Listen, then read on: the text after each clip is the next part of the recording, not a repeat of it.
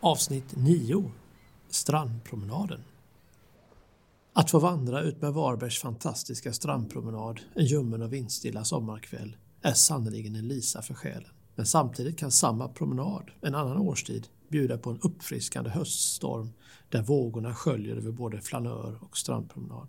Kort sagt, vi har världens vackraste strandpromenad här i Varberg.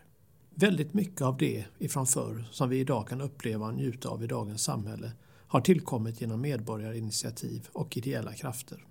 Det var således stadsläkaren och grundaren till Appelvikens kustsanatorium, Johan Sivedin Almer, som år 1909 tog initiativet att bilda Sällskapet Varbergs strandpromenader. Ett sällskap som hade till uppgift att anlägga en strandpromenad ut med havet mellan Kallbadhuset och Appelvikens kustsanatorium. Redan på 1890-talet hade en annan framsynt politiker här i Varberg lagt fram en motion till stadsfullmäktige om att en promenad ut med havet måste byggas omgående. Han fick dock inget gehör för sin idé utan projektet lämnades därhän av stadens styrande. Men som sagt var, i juni månad år 1909 samlades efter ett upprop av Almer så 20 personer i rådhuslokalen belägen vid Varbergs torg för att bilda sällskapet.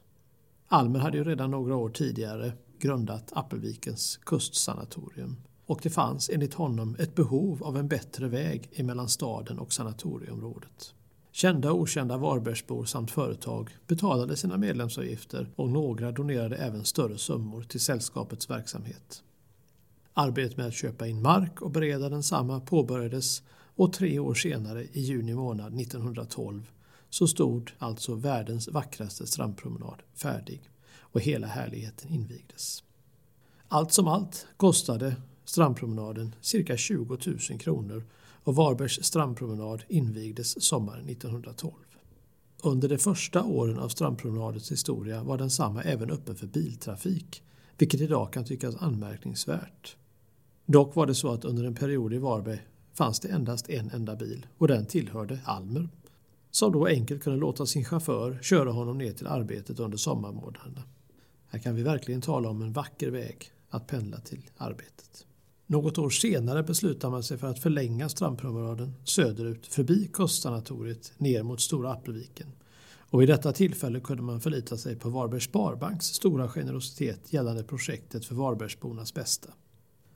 Kostnaden för markinköpet till förlängningen av strandpromenaden landade på 2000 kronor och av detta förband sig Varbergs Sparbank att betala hälften och sällskapet Varbergs strandpromenader hälften.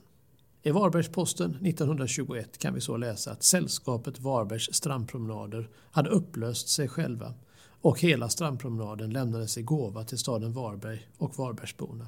En fantastisk gåva som vi nu alla kan njuta utav. Och det alla dagar på året oavsett väderlek. Tack vare dessa framsynta medborgare med Johan Severin Almer i spetsen kan vi idag ta oss en stärkande promenad på vår vackra strandpromenad.